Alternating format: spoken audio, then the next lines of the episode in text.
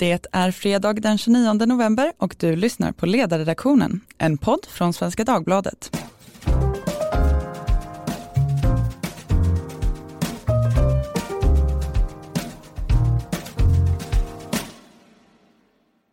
Jag heter Katarina Karkainen och idag ska vi prata om flyget, dess historia och framtid med anledning av Norwegians beslut att lägga ned samtliga långflygningar till Thailand och USA från Sverige. Orsaken är dålig lönsamhet och beslutet gäller från 29 mars 2020.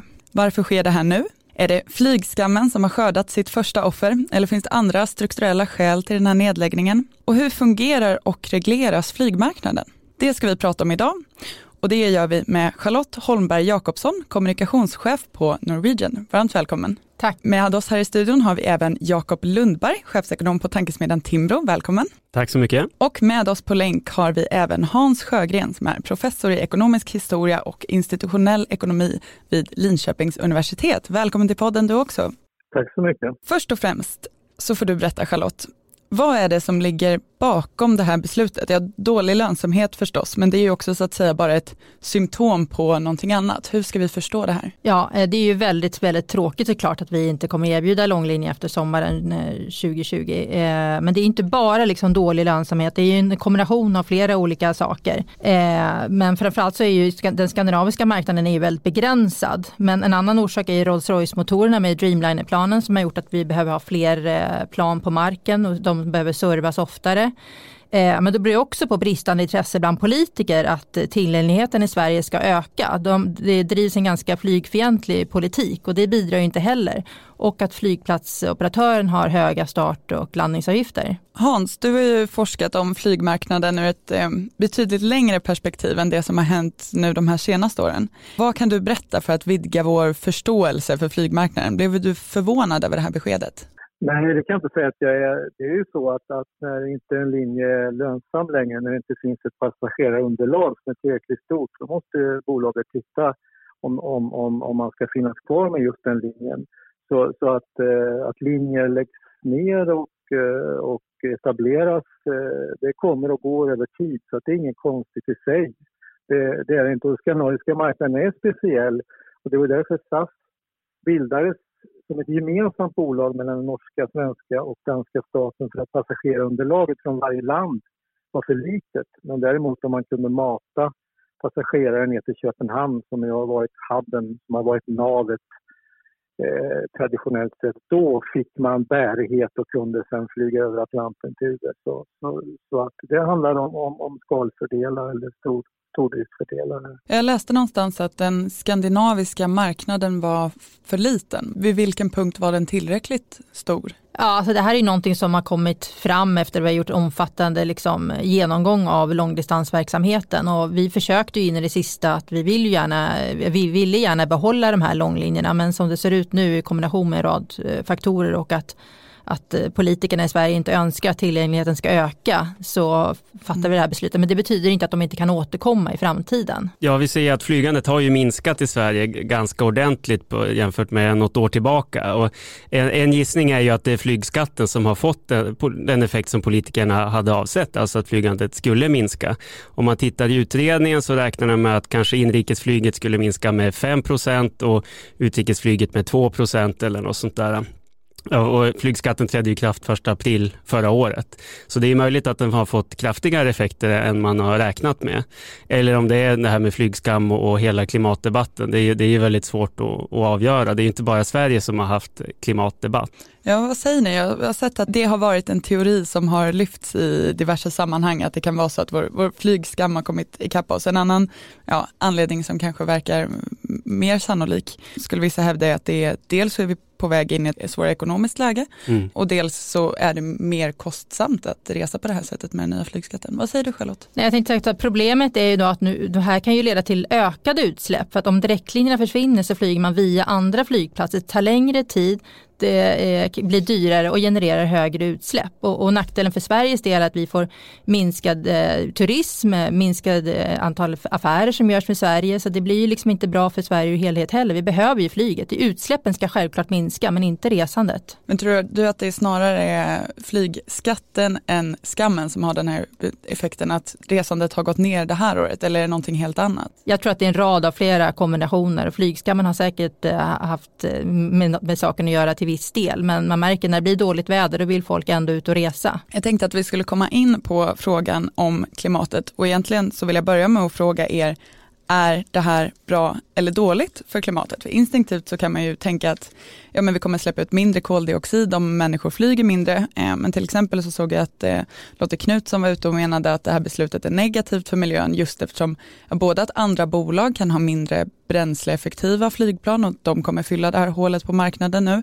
Men också att inställda direktlinjer innebär fler eh, resor med byten. Instämmer ni i den den bilden? Ja, absolut. Alltså, vi har ju minskat utsläppen med 30 procent de senaste tio åren bara genom att fasa in nya flygplan. Så att nu öppnar det här upp för en annan aktör som kanske har betydligt äldre plan och då kan leda till högre utsläpp. Det är, det är svårt att analysera det här. Alltså, när det gäller flyg inom EU, inrikesflyg, så ingår det i EUs utsläppshandel.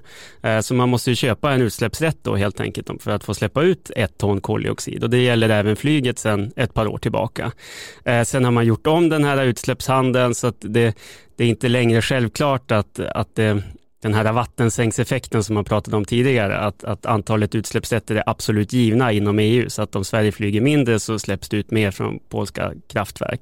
Det finns fortfarande sån effekt, men det är lite osäkert hur, hur stor den effekten är. Och så finns det det här med höghöjdseffekterna då, att om man släpper ut på högre höjd så påverkar det den globala uppvärmningen mer eh, från, från, flyget. Då. Så det finns många faktorer här som påverkar. Eh, men, men, det vi vet är att fly, flygskatten är ju en, en väldigt trubbig skatt. Det är, det är, en skatt som bara styr mot minskat flygande, minskat passagerarantal.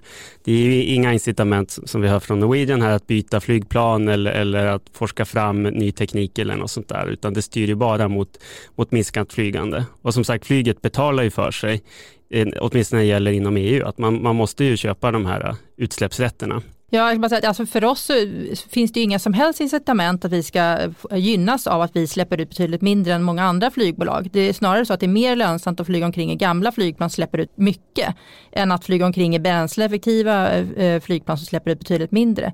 Man borde införa incitament från politikernas håll att ju mindre du släpper ut desto mindre bör du betala. Men så är det inte idag utan den här flygskatten bland annat den går ju bara in i statskassan och genererar inte några eh, minskade miljöpåverkan för flyget överhuvudtaget. Det låter inte som att ni tycker att eh, den här flygskatten riktigt eh, uppfyllde det syfte som åtminstone i, i den offentliga debatten lyftes. Nej, verkligen inte. Skandinavien är inte tillräckligt stort för att upprätthålla interkontinentala flygningar från Stockholm, Köpenhamn och Oslo. Så såg ett eh, Norwegians kommersiella chef eh, kommentera det här beslutet. Och jag såg också, som du var inne på tidigare Charlotte, att ni menade att den svenska marknaden är särskilt svår att verka på.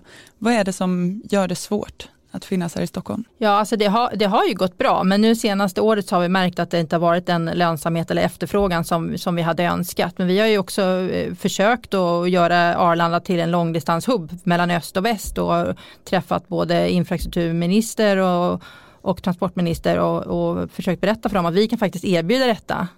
Men, men eh, det finns inget intresse. Nej, jag tänkte bara, bara i det långa perspektivet att Norwegian har ju haft enorma framgångar och, och, och utnyttjat eh, en fördel att man kunnat nästan plocka russinen ur kakan på de här långlinjerna som har varit väldigt lönsamma. Medan SAS då som ett fullservicebolag eh, och tillhörande en allians är ett annat alternativ. Så att Norwegian har ju stått för någon slags hybridlösning mellan, mellan då ett, ett traditionellt långlinjebolag och, och ett, eh, ett lågprisbolag. Eh, och har varit otroligt lönsamt. Och det är väl första gången nu man, man ser att det, det, är ett problem och det är möjligt att, att eh, den norska regeringen också är lite tagna på sängen här för man har ju sålt av sina aktier i SAS. Eh, och lite grann kan man läsa in att, att det är, vi har ju redan ett bolag, vi har Norwegian Mm. Och, och eh, utifrån det nationella intresset i Norge, och det är inte litet kan man säga, så tycker man att Norwegian har varit det man ska satsa på och därför har man sålt av aktierna i SAS. Men, men alltså lönsamhetsproblemen de, de är ju stora naturligtvis och den här marknaden den är begränsad. Eh, så är det ju. Och, och är de som kommer gynna, alltså på kort sikt så kommer ju SAS gynnas av att Norwegian lägger ner de här linjerna. Så, så, så sämre konkurrens, SAS gynnas och förmodligen högre biljettpriser på grund av att konkurrensen eh, minskar. Mm. Så det kan man väl se som en konsekvens av det. Och, och, det är ju tråkigt. Alltså jag sa att det är någonting som kommer och går men eh, tidigare i, i podcasten här. Men, men det här är sorgligt för det kan innebära att, att vi konsumenter eh, tvingas betala betydligt mer eftersom det tenderar att bli mer och mer monopol på en del utrikeslinjer. Här alltså. Ja, nej men absolut, det här är inte alls bra för resenärerna för, för att konkurrens är jättebra. Det tvingar ju både oss flygbolag eh, att bli bättre och erbjuda en bättre produkt till mer konkurrenskraftigt pris. Eh, och dessutom så är, behöv, behöver vi ha bra förbindelser för Sverige. Och Thomas Eneroth har ju själv sagt att Arlanda ska bli eh, Nordens storflygplats och ledande flygplats. då förstår man inte riktigt hur han tänker när de liksom, vi får massa motsägelsefulla budskap. Vi vet inte riktigt vad, vad de vill. Jag tror att det här med flyg flygplansavgifter är, är en väldigt viktig del i det hela, att vara konkurrenskraftig där. Eh, det pratas så mycket om att man ska bygga ut en fjärde bana och så. Jag, tror att det i, i sammanhanget är mindre viktigt utan det mm. handlar om att erbjuda bra avgifter. Det är, där, det, det är det bästa konkurrensen, eller det är så man ska gå tillväga liksom, för att marknaden är ju inbäddad i en rad spelregler och de är ytterst politiskt satta så att politikerna måste fundera på hur viktig är den här näringen? Hur viktigt är det att vi ska ha ett starkt nav i Stockholm? Och där, där visar historien att danskar och norrmän de värnar allt som har med transporter att göra. De, är, de vet att de är utsatta, små ekonomier behöver mm. bra förbindelser ut i utlandet, sjöfart, rederier, de är starka inom här medan vi har varit lite naiva där och tyckt att nej, men det spelar väl ingen roll. Men, men, men titta på nationella intresset i Norge och Danmark, jätte, jättestarkt för all typ av transporter. Jag tolkar det på er som att vi ligger sämre till vad gäller avgifter och skatter visavi Norge och Danmark. Ja, absolut. Och man får ju ofta eh, kraftig rabatt när man lanserar en ny linje, men eh, om man ska behålla en linje så får man ingen rabatt och de har ju höjt avgifterna kraftigt de senaste åren. Och det är viktigt att påpeka också att flyget betalar för sin egen infrastruktur. Det är inte så att staten ger något årligt anslag för driften av Arlanda eller något sånt där, utan det betalar ju sig själv och då kan man jämföra med tåget till exempel som väl kostar en, ja, i runda slänga 10 miljarder varje år i underhåll och ungefär 10 miljarder i nybyggnation av, av järnvägar och samtidigt drar man in ungefär 2 miljarder i banavgifter som operatörerna betalar. Så det är massiva subventioner av tåget plus att vissa tåglinjer är upphandlade och, och subventionerade pendeltågslinjer och så vidare. Så det, det är en väldig obalans här mellan transportslagen. Mm. Flyget har inte så bra förutsättningar visar vi andra transportslag. Ja, så är det ju. Och det är ju en lågmarginalbransch med, med, som är väldigt hårt konkurrensutsatt. Hans, hur har det sett ut eh, historiskt med de här liksom, politiska regleringar och förutsättningar skapade av det offentliga? Men SAS är ju ett exempel på att man har kunnat komma överens. Att det har varit en, en vänskapsmatch snarare än en landskamp där, där alla ska gå ut och liksom kriga om allting. Så, så att det, det, är ett gott samarbete över tiden. Eh, SAS är, eh, vad är det nu idag, 70-80 år i alla fall. Men, men, man kan också se att det finns nationella spänningar där danskarna har dragit det längsta strået när det gäller just att vara ett nav och, och att värna Kastrup som är ju Danmarks största arbetsplats. Det har varit väldigt, väldigt starkt, eh, ja, ja, man har agerat utifrån att, att det är viktigt att behålla Kastrup som, som ett nav. Eh, norrmännen är ju de som har fått minst i, i SAS-samarbetet medan Sverige har fått huvudkontor och viktiga ledningsfunktioner och liknande. Eh, sen är det speciella med Norge just att, att det, det, det, är ett väldigt långt land och, och, och, flyget har en väldig fördel av att det var snabbt och, och gå över berg och, och, och så medan andra alternativ eh, har betydligt sämre förutsättningar. Så att flyg, alltså kortlinjer i uppe i Norrland och, och, i Norge är ju väldigt viktigt för flygmarknaden är viktig på det sättet och sen, som har matat ner då till de mm. större städerna. Ja, vad ska man säga mer? Vi behöver snart runda av, men jag vill gärna fråga både Hans och er övriga miljonfrågan. Är det här ett trendbrott eller är det en del av en långsiktig utveckling? Vågar ni sia om framtiden för flygmarknaden? Om jag ska börja då från Norwegian, så alltså förra året så reste ju 4,4 miljarder passagerare i hela världen och prognosen säger att det ska vara 7,2 miljarder 2035 så att eh, allting tyder på att det kommer ju öka och då gäller det att vi ökar på ett hållbart sätt, att det finns bra direktförbindelser. Så här är ett hårt slag för Sverige och jättetråkigt. Och jag hoppas att det blir en vändning så att eh, det finns möjlighet att eh, de här linjerna kan komma tillbaka igen. Jag skulle gissa att det är en, tillfällig blipp i statistiken. Det är, det är, lite som tyder på att helt plötsligt skulle svenskarna vilja flyga betydligt mindre. Utan min gissning skulle vara att om, om, om något år eller något sånt där så kommer det börja öka igen. Och vad säger du Hans, kanske både vad gäller våra resvanor och vad gäller företagsstrukturen på, på flygmarknaden? Vad har vi för framtid att gå till mötes? Men jag tror våra, våra resvanor kommer förändras. De har redan förändrats. Och det är allt vanligare att se inom akademin med videokonferens istället för att man åker till USA eller åker till Asien och liknande. Så att våra resvanor förändras, det tror jag. Men vi kommer alltid vara ett resande folk och, och alltid vilja ut och, och träffa nya miljöer och, och finnas eh, fysiskt på plats eh, och, för att mötas och så. Så jag, jag tror nog att, att, jag menar, det är en känslig bransch det här och är det så att det inte är lönsamt så måste man ju se om sitt hus och så får man planera och, och, och så. så att jag, jag, tror att det är en tillfällig svacka. Det tror jag. Mm. Eller svacka, men, men att, att det är någonting som man måste göra nu. Annars överlever man inte som bolag och då kan i värsta fall man bli uppköpt av något annat, British Airways eller något liknande. Och för att behålla sin självständighet så måste man göra någonting. Det, det kanske är ett likviditetsproblem och då måste man agera om man ska behålla sitt aktiebolag. Nej, alltså flyget behövs och är jätteviktigt. Det är utsläppen som måste minska, inte resandet. Med de orden så behöver vi avsluta för idag. Men eftersom det är fredag och i helgen dessutom första advent så känner jag mig nödgad att enligt traditionen här i ledredaktionen fråga er om ni har några helgplaner och om ni har någonting som ni vill tipsa om. Jag ska jobba hela helgen. Vi har mm. en utbildning som heter Reformakademin där vi ska diskutera skatter. Bland annat flygskatten kommer säkert komma upp. Eh, så vi har mm.